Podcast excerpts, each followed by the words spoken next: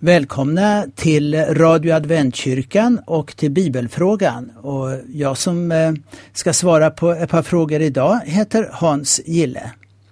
Och den första frågan den är helt enkelt så här. Jag har hört att Jesus inte blev född år noll. Stämmer det? Ja, den här frågan kan besvaras på mer än ett sätt, men svaret är ändå detsamma. Jesus blev inte född år noll. Men man kan ju fundera också över när.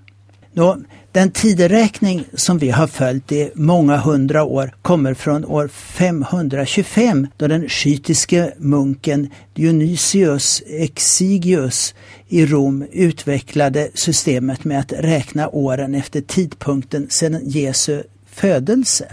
Det man egentligen jobbade med var att datum bestämma påsken. Med det här systemet som han skapade så bestämdes och kallade man åren Anno Domini, Herrens år, förkortat AD, vilket ju finns kvar som förkortning till exempel engelskan. Men det dröjde innan sättet att räkna från Kristi födelse slog igenom. Det fanns sedan förut i alla fall två kyrkliga system att räkna åren på. Dels martyrernas era, då räknade man från Diocletianus trontillträde. Diocletianus, det var den som inledde det sista och mest omfattande utrensningen av kristna i Rom. Och det här systemet är faktiskt fortfarande officiell tideräkningssystem bland kopterna i Egypten och de etiopiska kyrkorna. Det andra systemet det började med året för Kristi död, vilket så tidigt som hos kyrkofäderna räknades till år 29 efter Kristus. Den första historieskrivaren som började använda AD, alltså Anno Domine, mer kontinuerligt var Viktor av Tonena, en afrikansk historiker på 600-talet. Och sen var det den anglosaxiske munken Beda som sen började använda AD till sin engelska historieskrivning som gick fram till år 731. Beda blev också den första att använda before Christ, före Kristus och fastslog att man inte skulle använda något år noll. Så här har ni svaret på frågan. Hur var den? Jo, Jesus föddes väl inte år noll? Nej, för det finns helt enkelt inte något år noll. Du går direkt från första året före Kristus till första året efter Kristus. Och det måste man då räkna med när man har tidsperioder som sträcker sig från före Kristus till efter Kristus. Så från sommaren, låt oss säga år 10 före Kristus till sommaren år 10 efter Kristus så blir det inte 20 år utan 19 år. Något år noll finns ju inte. Men när föddes då Jesus? Ja, egentligen är det väl det som frågan på ett sätt gäller.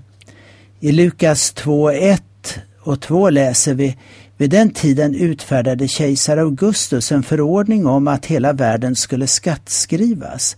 Det var den första skattskrivningen och den hölls när Quirinius var ståthållare i Syrien. Tiden för skattskrivningen är osäker. Inga kända källor nämner detta tillfälle då uppgifter om familj och egendom skulle lämnas som underlag för beskattning. Kejsar Augustus, han regerade 31 f.Kr. till 14 efter Kristus. Så det stämmer bra, men det är ju en ganska lång tid, 44 år cirka. Men i texten nämns också en ståthållare vid namn Quirinius. Han blev faktiskt utnämnd till ståthållare först år 6 efter Kristus i Syrien.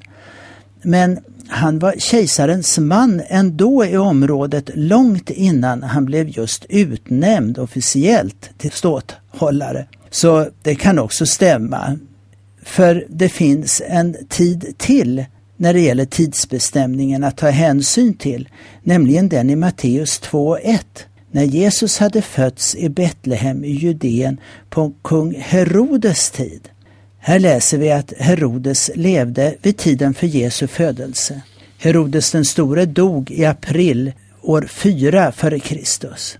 Dessutom läser vi att Jesus var cirka 30 år gammal i Lukas 3 och 23 när han började sin verksamhet. Det är nu vid samma tid som Johannes döparen är ute och predikar i Judeens öken. Och där står det i Lukas 3 och 1 att det var i kejsar Tiberius femtonde regeringsår, vilket var år 27-28 efter Kristus.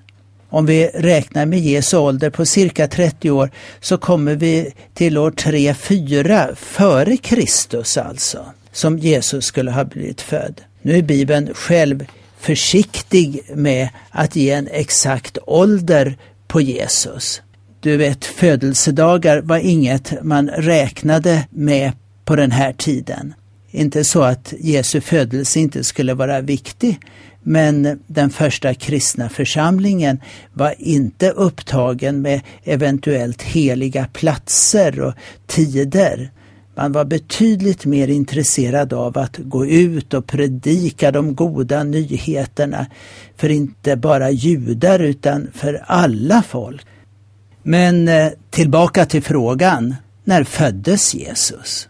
Ja, med tanken på Herodes den stores dödsår, som vi sa var år 4 före Kristus, så är säkert en bra uppskattning den att Jesus antagligen blev född under hösten år 5 före Kristus.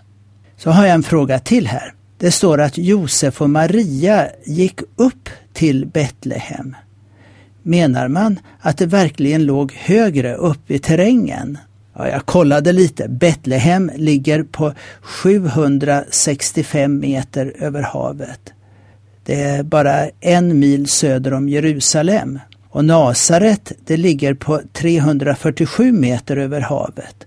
Alltså från Nasaret så var det alltså en höjdskillnad på över 400 meter fram till Betlehem och det är ett avstånd på cirka 10 mil.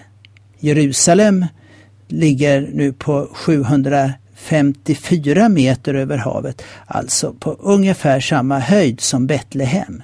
Men nu är det ju avgörande också hur terrängen för övrigt ser ut på den sträcka man ska vandra. Landet är ju mycket kuperat. Men visst låg Betlehem mycket högre upp än Nasaret, så nog gick man upp dit. Så har jag en fråga till här och den lyder så här. På Jesu tid väntade man verkligen på Messias. Det var ju en hel del som inte precis gillade Jesus i alla fall. Ja, att vänta på Messias har hört till de religiösa israeliternas längtan i alla dessa år. Och den hör hit också idag.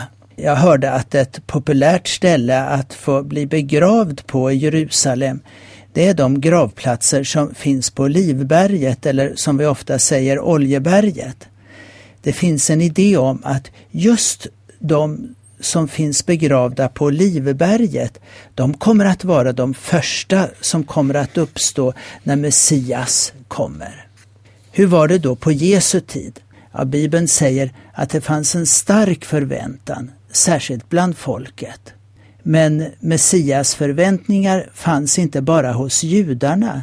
De österländska männen som Matteus berättar om i Matteus 2, de trodde ju att tiden var inne. Och det står att Herodes samlade alla folkets överste präster och skriftlärda och frågade dem var Messias skulle födas. De svarade i Betlehem i Judeen, ty det står skrivet hos profeten, du Betlehem i Judaland är ingalunda ringast bland hövdingar i Juda, ty från dig ska det komma en hövding, en herde för mitt folk Israel. Helt tydligt visste också de skriftlärde och ledarskapet till de här profetiorna i Bibeln som handlade om Messias. Mer allmänt så kan vi ju säga att i romarriket så hade de gamla gudarna börjat att förlora en viss del av sitt grepp över många. Och istället så såg man ju upp till de politiska makterna. Och den romerska kejsaren, han var ju faktiskt som en gud här på jorden och krävde inte bara lydnad utan också gudomlig vördnad. När man nu, efter en lång tid av politisk oro, upplevde att det vilade fred över länderna under den romerska freden som man kallade för under kejsars, kejsar Augustus som hette Pax Romana så var många mycket nöjda med detta. Den gav förutsägbarhet och ekonomisk stabilitet. Många såg just Augustus som den efterlängtade världsfrälsaren. Men ockuperade länder som Israel, ja, de längtade efter självständighet och hoppades på deras Messias som kunde driva ut romarna ur landet. Särskilt bland vanligt folk var det betungande. De hade inte någon större nytta av denna romerska fred utan de var tvungna att betala priset för eh, den här freden genom olika tunga skatter och till exempel förnedrande arbetsinsatser till romarna som kunde begära deras arbete precis när som helst.